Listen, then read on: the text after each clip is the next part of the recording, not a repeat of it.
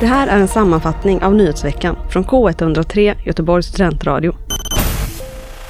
I år har över 220 granskningar skickats in till Guldspaden.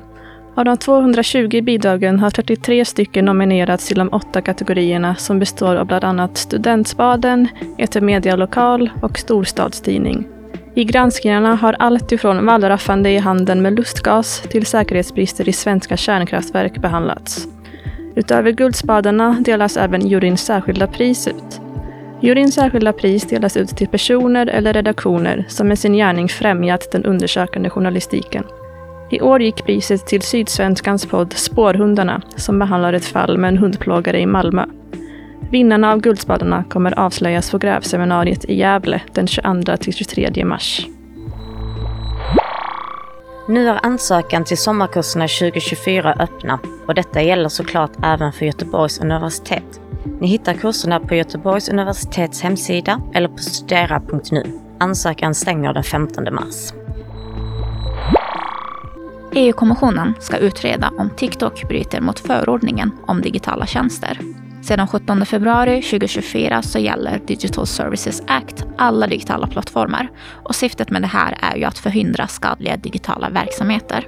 SVT Nyheter rapporterar att enligt EU-kommissionen så kan TikTok orsaka beroende och att TikToks ägare ByteDance utreds för förbrytelse mot reglering om transparens i reklam, dataåtkomst och riskhantering av skadligt material. EU anklagar också TikTok för att inte ha gett forskare tillgång till TikToks data för utredningen. TikTok uppger i ett mejl att de kommer att fortsätta samarbetet med forskare och experter för att underhålla en plattform där unga känner sig trygga, samt att de också ser emot att få förklara sitt arbete i detalj för EU-kommissionen. Nytt blodtest förväntas vara betydande vid ischemisk stroke. Förra året uppfanns ett nytt blodtest för att undersöka ett protein och dess samband med nedbrytningen av nervceller i hjärnan vid Alzheimers sjukdom. Detta året har forskare med hjälp av den forskningen upptäckt att det proteinet också kan användas för att förutspå funktionsförmågan efter akut iskemisk stroke, vilket är den vanligaste typen av stroke. För närvarande finns det inga blodbaserade protein som exakt speglar akut nervskada vid stroke, men med denna forskningen kan det äntligen finnas ett mycket mer precist sätt att observera och hjälpa patienter. En dryg miljon hyresrätter i landet väntar fortfarande på sin nya hyra för i år och snart kommer en del av dessa att avgöras i domstol. Nytt för i år är nämligen att parterna efter tre månader har rätt att ta till hyresnämnden där en oberoende skiljeman ska få avgöra saken. Skiljemannen får då sex veckor på sig att fatta ett beslut. I nuläget har cirka 90 kommuner vänt sig till en skiljeman för att få en oberoende bedömning av hyreshöjningen. I Göteborg väntas beslutet, som rör 30 000 hyror, komma på måndag den 4 mars. Detta rapporterar TT.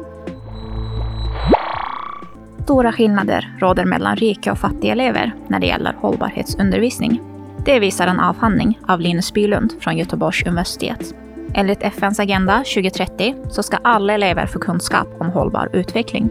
Avhandlingen visar att många elever i fattiga områden utbildas att odla för egen försörjning, medan de i rika lokalsamhällen förväntas att göra betydligt mindre förändringar i sin livsstil. Bilund menar att dessa undervisningar riskerar att bidra till en struktur där de människor som har bidragit minst till de globala miljöproblemen förväntas att ta större ansvar. Avhandlingen bygger på fältarbete från Rwanda, Sydafrika, Uganda och Sverige. Intervjun med Linus Bylund som avhandlingen i sin helhet går att hitta på Göteborgs universitets hemsida.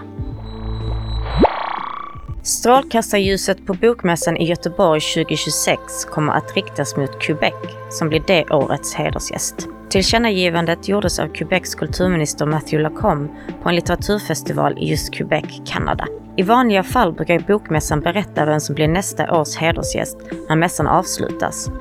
Att man går ut med 2026 års hedersgäst redan nu beror på att man vill ge mer tid till kulturella utbyten och möjliggöra fler översättningar. I år är huvudtemat Sápmi med kulturinstitutionen Challegote som hedersgäst och även de samiska författarföreningarna Bago och Same Girjekalid Sarvi. Detta rapporterar TT. Tipsa oss om nyheter på info k103.se.